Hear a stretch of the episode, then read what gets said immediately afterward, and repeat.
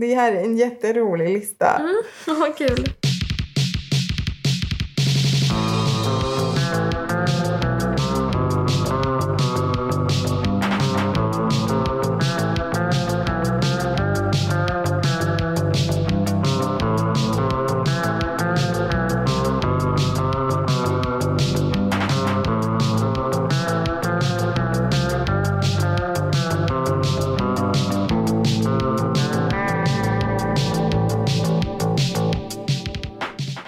Välkommen hit Florens Silasson. Tack! Idag vikarie för Kim som är på semester Yes. i Varberg. Mm. Mm. Florens, min vän och doktor i allmän genialitet. Kul att du kunde komma och ta, göra ett avbrott i dina studier inom eh, här. genialitetens breda fält. Fortsätt. Vill du säga något mer om dig själv? Ja, men vad kan jag säga? Ehm, att jag har känt dig sedan gymnasiet, att vi är goda vänner. Jag är lärarstudent och då kan man tro att jag älskar barn och pedagogik. Mm.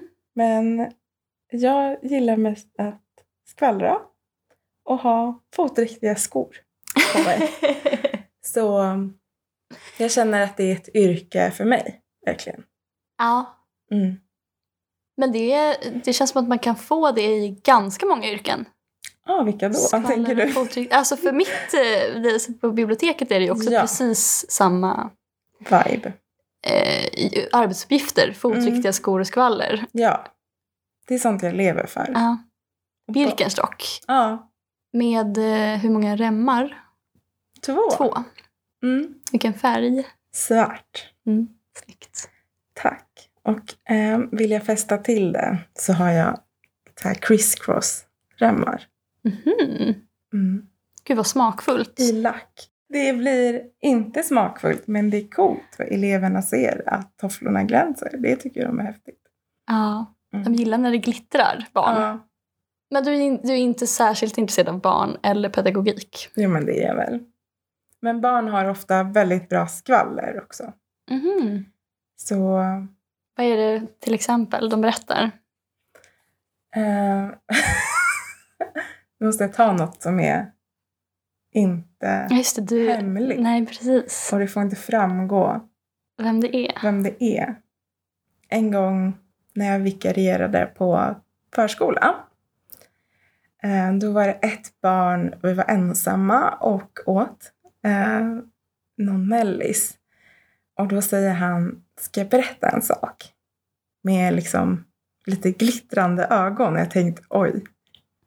Eh, berätta gärna. och då berättar han, sen börjar jag så här, vet du, det finns en tjej på min förskola. Eh, hennes pappa var gift. Och sen var han inte gift längre. Precis så här berättade han. Och när han var gift så skaffade han en tatuering med tjejens namn. Och tjejen skaffade tatuering med killens namn på armen. Och sen när de inte var gifta längre, då var det så tokigt att de hade varandras namn på armen. Jag Mm. tänker, gud, vad roligt att du förstår ironin i det här. Mm. Men det tog inte så slut där.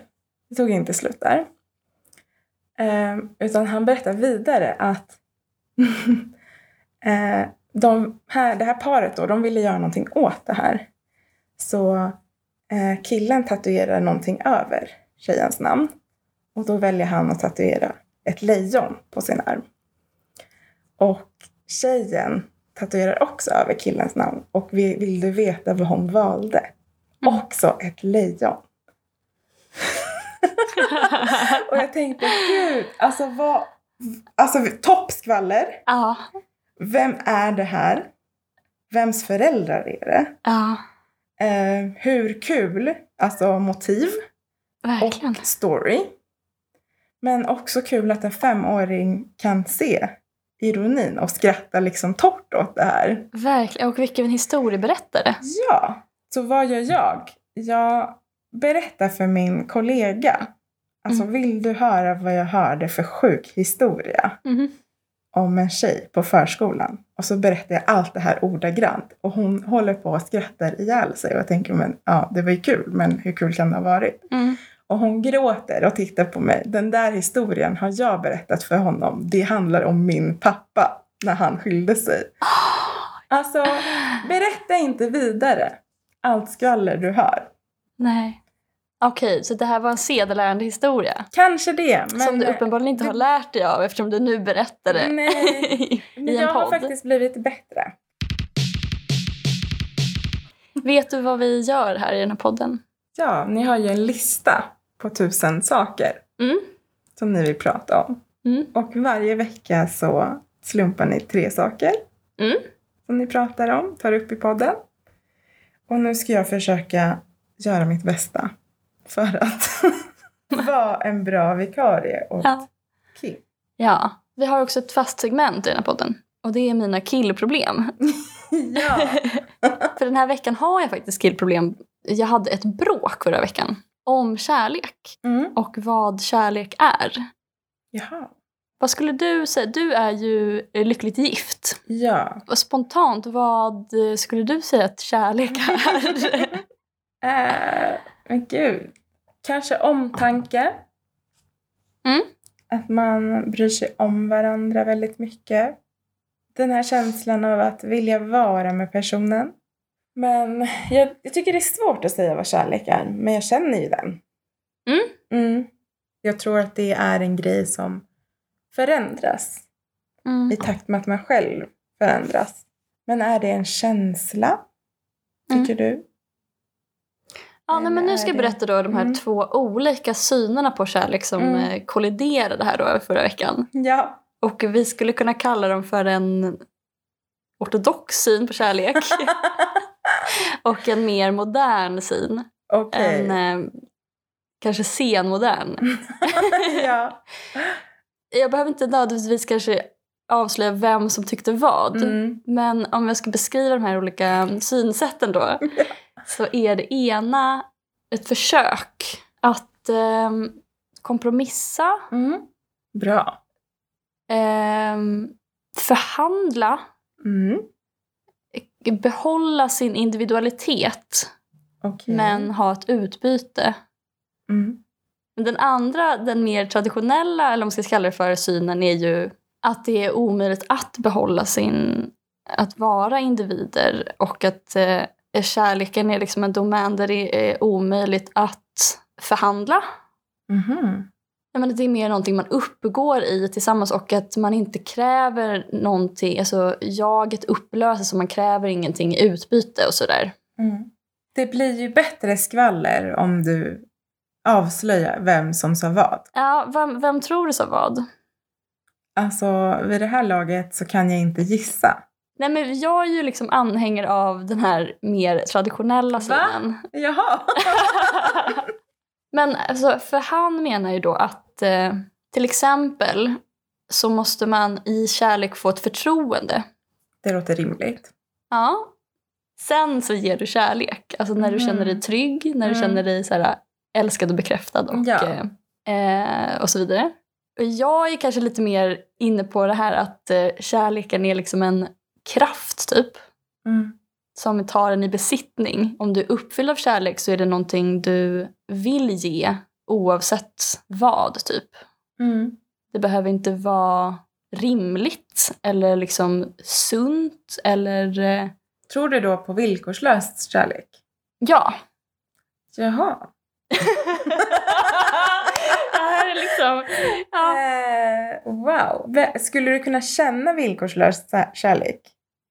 Jag, jag upplever att det är det enda man känner. Alltså det är den enda kärleken jag har känt. Men är det inte kärlek om den inte är villkorslös?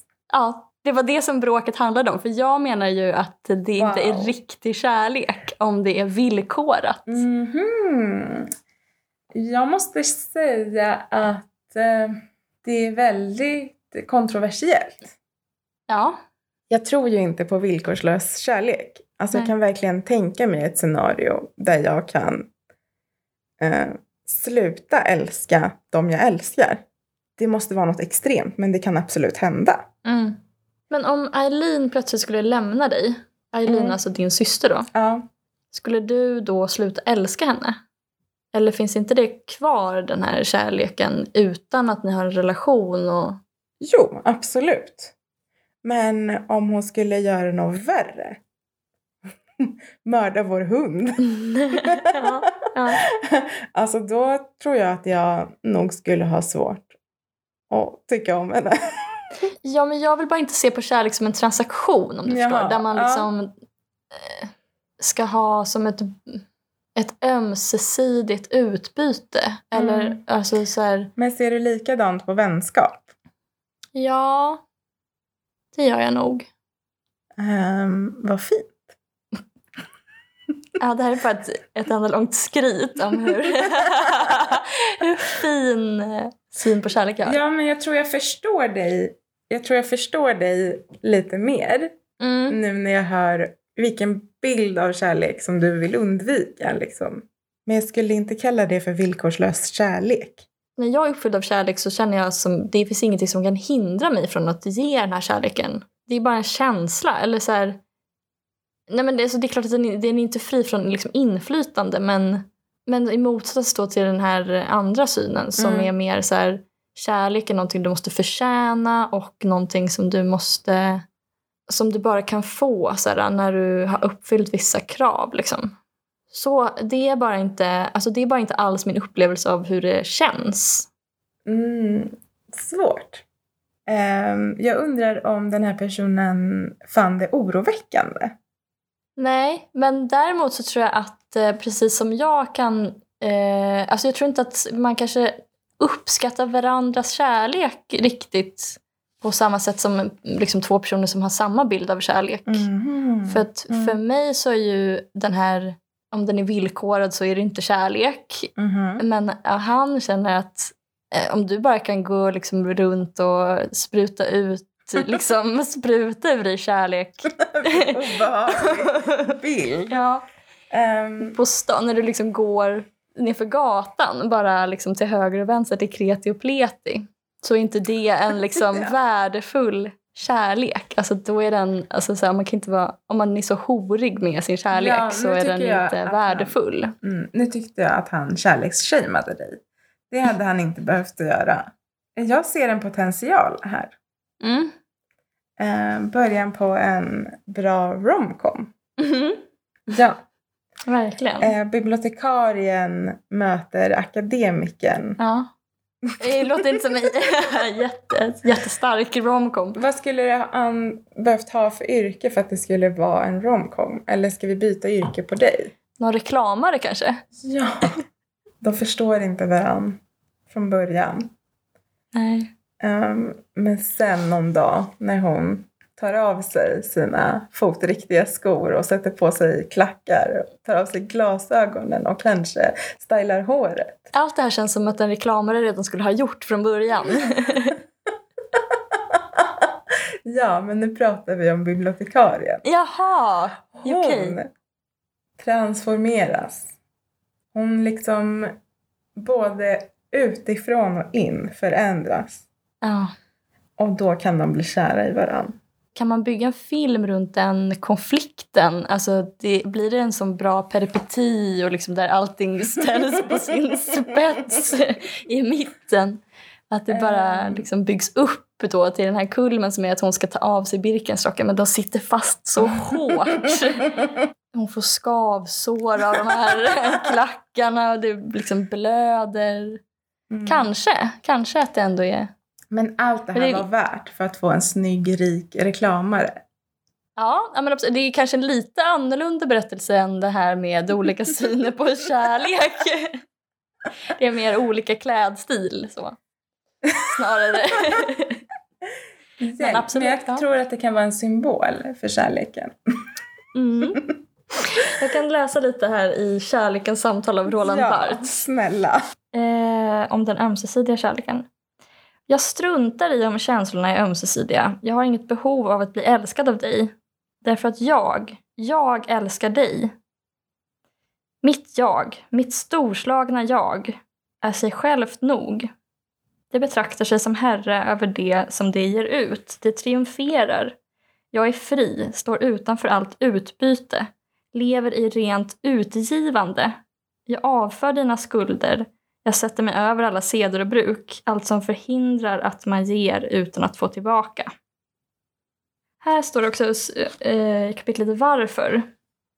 Strax, eller samtidigt, lyder inte längre frågan varför älskar du mig inte?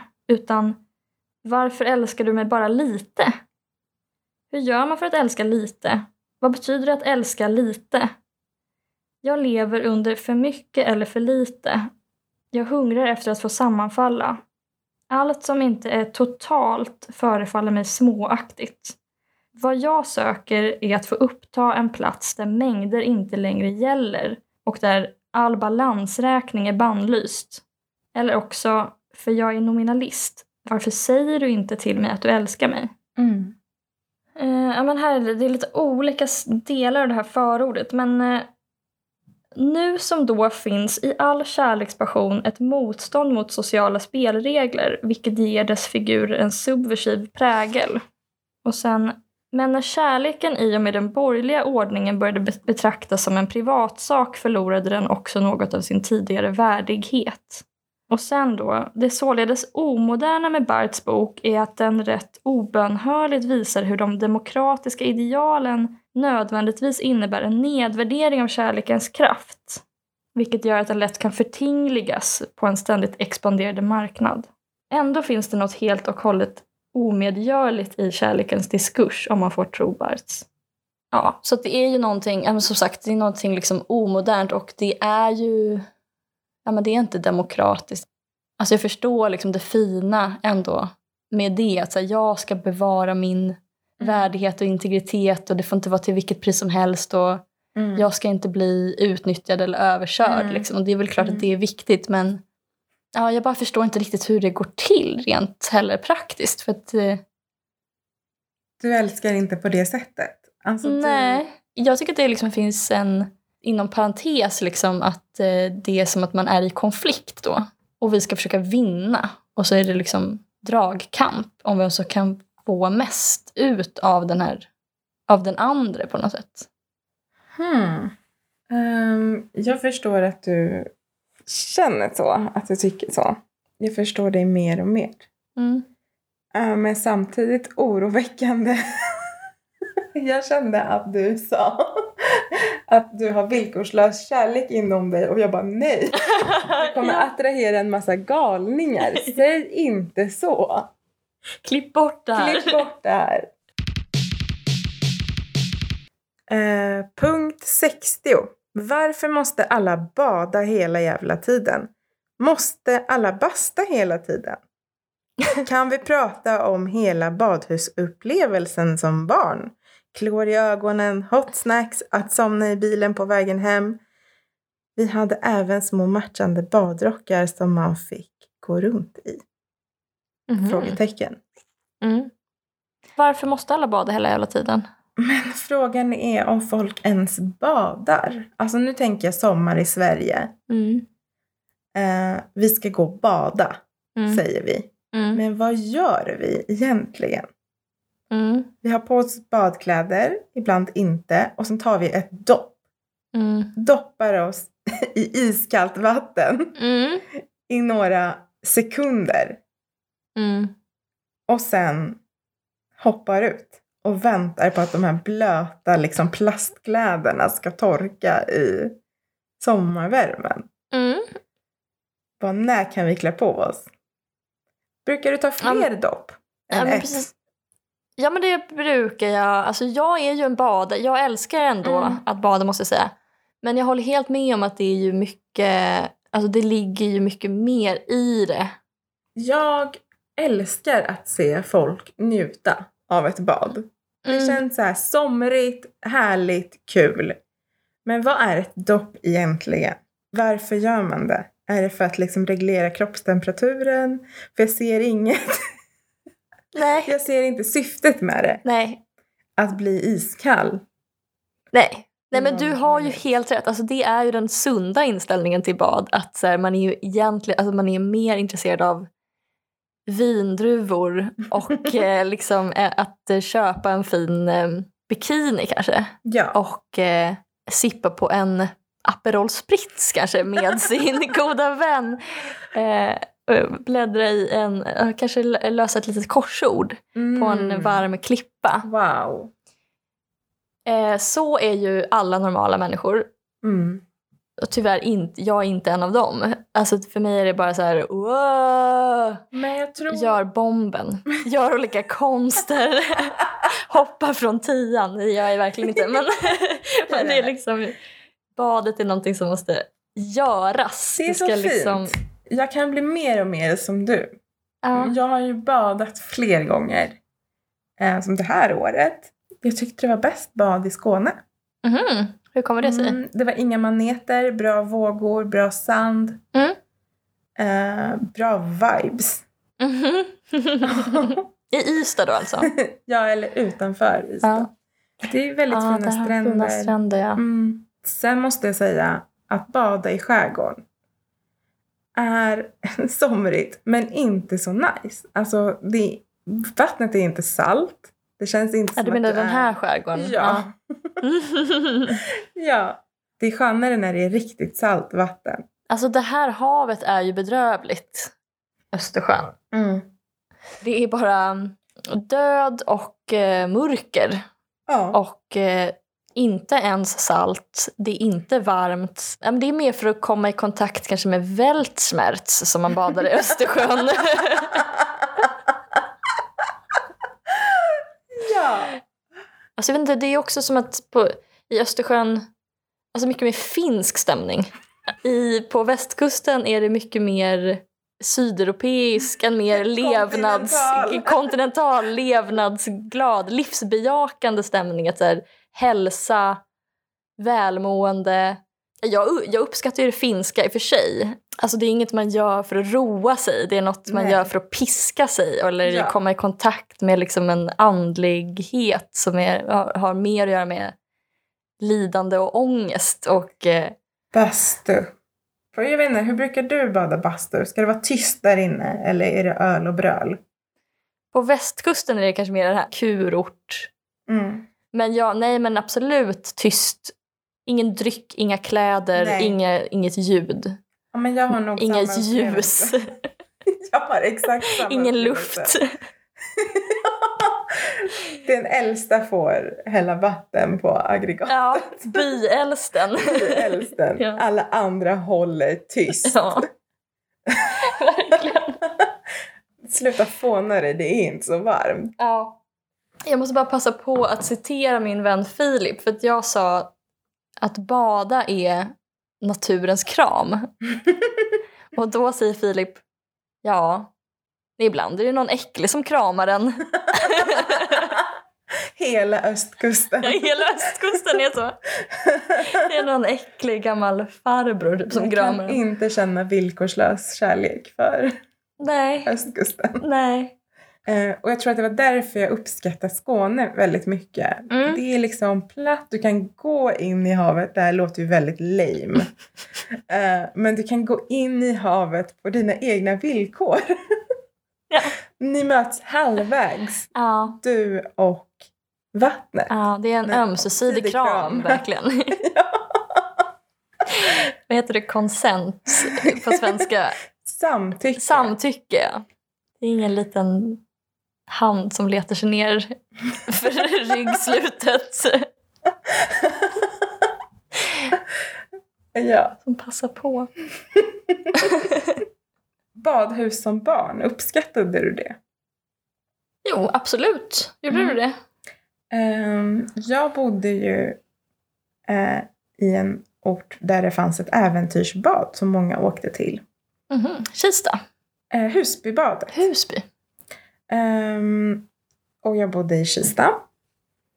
Ehm, och det var så himla lyxigt att få cykla till äventyrsbadet. Mm. Ehm, Var det äventyr där? ja. så här simglasögon. Det var så fint att få ha. Det fanns liksom bubbelpool. Mm. Um, rutschkana, en glasskiosk. Men har du tagit så här baddaren och sådana saker? Nej, Nej. jag har alltid kunnat simma. Jag vet inte hur jag lärde mig det. Och jag har liksom aldrig failat de här testerna. Alltså jag har bara alltid kunnat simma eller bottna i bassängen. Också ett tips om du inte kan simma. Var bara tillräckligt lång. Simma bara inte, är ditt tips. Hoppa bara runt i äventyrsbadet. Man hade ju som en liten sammetssköld Ja. hemma. Jag har man sett fick nåla, många. ja, nåla Mm, fast då, de här olika. Fint. Men jag bara tänker om det kanske har präglat oss som, som folk. Att vi har fått de här... eh, Den här alltså det är så himla positivt förstärkt Mm. i barndomen att bada. Att så här, Mm. då får du baddaren. Mm. Att det är därför alla är så besatta av att bada. Det är staten som har lurat oss till det.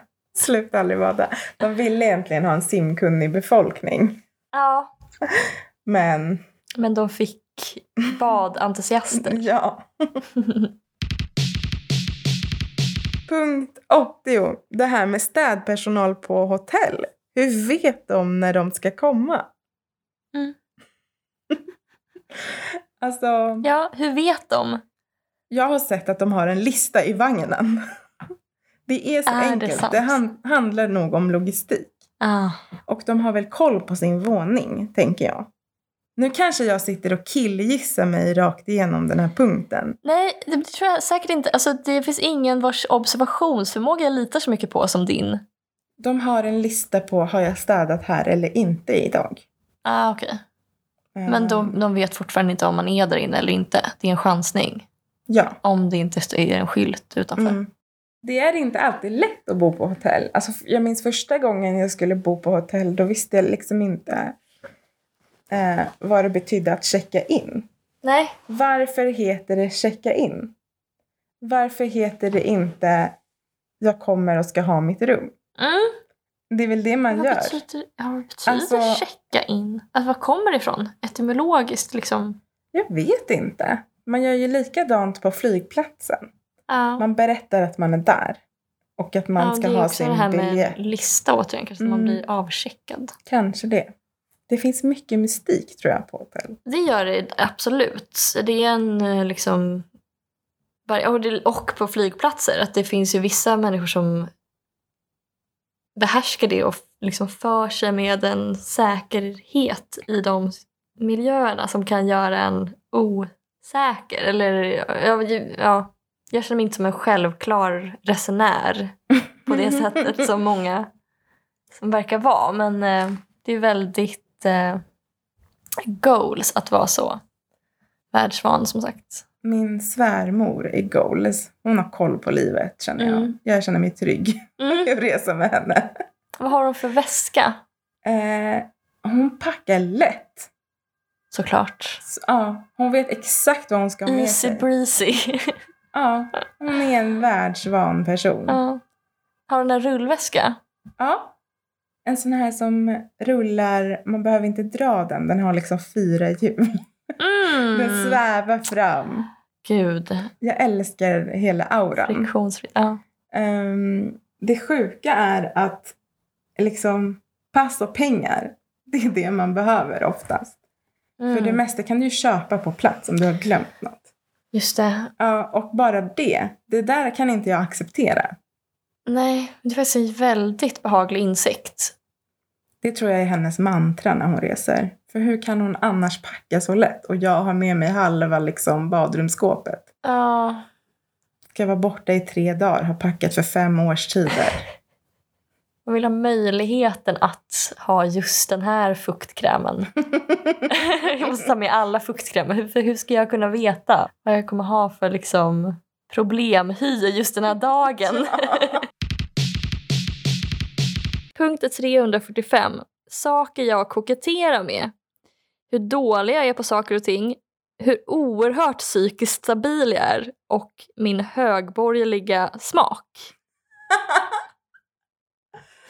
Ja, Jag kan verkligen spola tillbaka till en tid då jag kanske koketterade med helt, alltså jätteskumma grejer. mm. Ehm, och nu pratar vi om liksom en högstadieperiod. Där Mm. man liksom kanske gick fram till någon man gillade och bara alltså kolla min hand är så mycket mindre än din. Jag, jag vet, det är det absolut vanligaste Ja. samtalsämnet i princip under hela, i alla fall högstadiet, alltså kanske hela livet. Det finns någonting kanske primitivt i det. Att visa liksom att jag är mindre än du och du är större än- än jag. Kan man inte bara säga du jag gillar dig. Du är så fin i dina stuprörsjeans och en palestinasjal. Jag kan inte förstå att det har varit en sån outsinlig källa till samtal. Alltså hur många gånger måste vi tröska det här min hand är mindre än din. Jag förstår inte hur man bar sig åt. Man kan liksom hämta en hel, bygga en hel relation på det. Ja, Den observationen. att man jämför. Ja, kroppsdelar, verkligen. Ja. Ja. är det flörtigt? Det, det måste väl anses... Det tror jag, men jag tror samtidigt att det finns faktiskt också en idiotisk dimension. Alltså en ren så här fascination för eh, ja, men alltså, vissa saker är små och vissa saker är stora. Alltså det är bara... Jag minns det här att jag tyckte att det var så himla romantiskt i högstadiet att jag kunde liksom drunkna i min pojkväns munkjacka. Han är så mycket längre än jag. Det blir som en klänning. Men att du koketterar med att du är dålig på saker, det kanske också är så här, jag är så mycket svagare än du. Alltså jag, jag vet faktiskt inte vad det har att göra med. Men jag tror att det, alltså jag tror att det har att göra med att jag vill uttrycka liksom ett, ett motstånd till prestation. Mhm. Mm. Eh, som kanske har att göra med det här andra koketterandet om min psykiska hälsa. Mm. Eh, och inte bara det, utan... För jag kan inte komma och tänka på i alla fall två andra saker som jag koketterar med som är hur oerhört eh, vänster jag är Ja. och hur... Eh, alltså min bakgrund alltså i eh, den här arbetarkommunen Mm. Min låga lön och så vidare, mina dåliga arbetsvillkor. Men eh, Det är bra attribut, tycker jag. Alltså jag blir ju genast intresserad av dig. det är en idé till personlighet som fler kan ta Men i anspråk. Ja. det kanske är lite kokett att vara som ja, men den här huvudkaraktären i New Girl. Alltså lite dålig, kunna, inte kunna sköta sig, sina vardagsuppgifter, Mm. alltid behöva hjälp. Mm. Och hon är så gullig. Ja, det tror jag. Dels att, att det är att man får många i alla fall eh, sociala fördelar av att eh, lyfta fram det som kvinna, alltså sådana egenskaper. Mm. Jag är inte ett hot. Ja. Det är liksom en eh, blandning av jante och gullighet. En, en annan sak, alltså det, för det jag tror att jag koketterar med, alltså hänger ihop med det här att jag är psykiskt stabil och vänster. jag behöver inte anpassa mig, jag behöver inte prestera, jag vill inte prestera. Men är det så att du är dålig på saker eller spelar du liksom upp de egenskaperna för att vara intressantare? Nej, jag tror att jag är, jag är dålig på det mesta. I princip allt som tillhör den praktiska delen av livet. Ja, hur kokett är det egentligen att säga att man är väldigt bra på att prata om rysk litteratur? Det är ju den nästa grejen som du koketterar med, alltså din smak. För det har att göra med mer att jag inte bara vill positionera mig gentemot majoritetssamhället utan Mm. det är också ett positionerande inom vänstern. Mhm. Att gå på operan till exempel. Mm. Det tror jag man skulle kunna avfärda det som borgerligt Mm. och um, därmed falskt eller, no- eller Mm. liksom förljuget, någonting som vi måste um, kritisera. Jag tror, alltså nu är inte jag intresserad av opera i och för sig så värst mycket, men, eller säg, men säg att lyssna på Sibelius. Mm. Jag tror ju att det är bra musik. Mm. Och det är viktigt att läsa bra böcker, inte liksom vilka böcker som helst. Jag Mm. absolut inte, som vi pratade om förut när vi käkade middag, att vilken bok som helst duger. Det är läsningen i sig som är det väsentliga. Nej, det är vilken bok och vilken musik. Mm. Och det är inte någonting som borde vara reserverat borgerligheten utan det är någonting som arbetarklassen måste erövra och överta och Mhm. som alla, som jag verkligen tror att alla hade haft jättestor glädje av att kunna uppskatta. Och som jag är helt medveten om att alla inte uppskattar. Men det är ju, det, alltså utopin är ju att vi alla ska ha en så rik, alltså vi ska ha upplevt så mycket, vara så nära kulturen, uppleva så mycket kultur och ha, vara så bra på kultur. Att alla ska sitta där liksom på konserthuset. Men vet du vad det lite låter som? Att du vill ha en litteraturkanon. Nej, verkligen inte. Alltså, Mm, okej. det, det är, alltså för kanon är någonting som är rörligt och föränderligt och måste vara det. Mm. Sen så tror jag kanske att man, har, man kan ha liksom ett intressant... Alltså det kan tillföra någonting till ens liv att läsa böcker som många andra har läst och som Mm. många andra böcker pratar med också. Mm. Som, alltså det är inte så enkelt som att säga att det finns en lista på böcker utan, Mm. men det finns kvaliteter i böcker som är, som är obestridliga och som alla kan ha tillgång till men som Mm. alla inte har tillgång Mm. till tyvärr nu. Mm. Men som kräver liksom, ja, många timmar läsning. Jag jobbar ju med barn och där vill jag bara att de läser. Mm.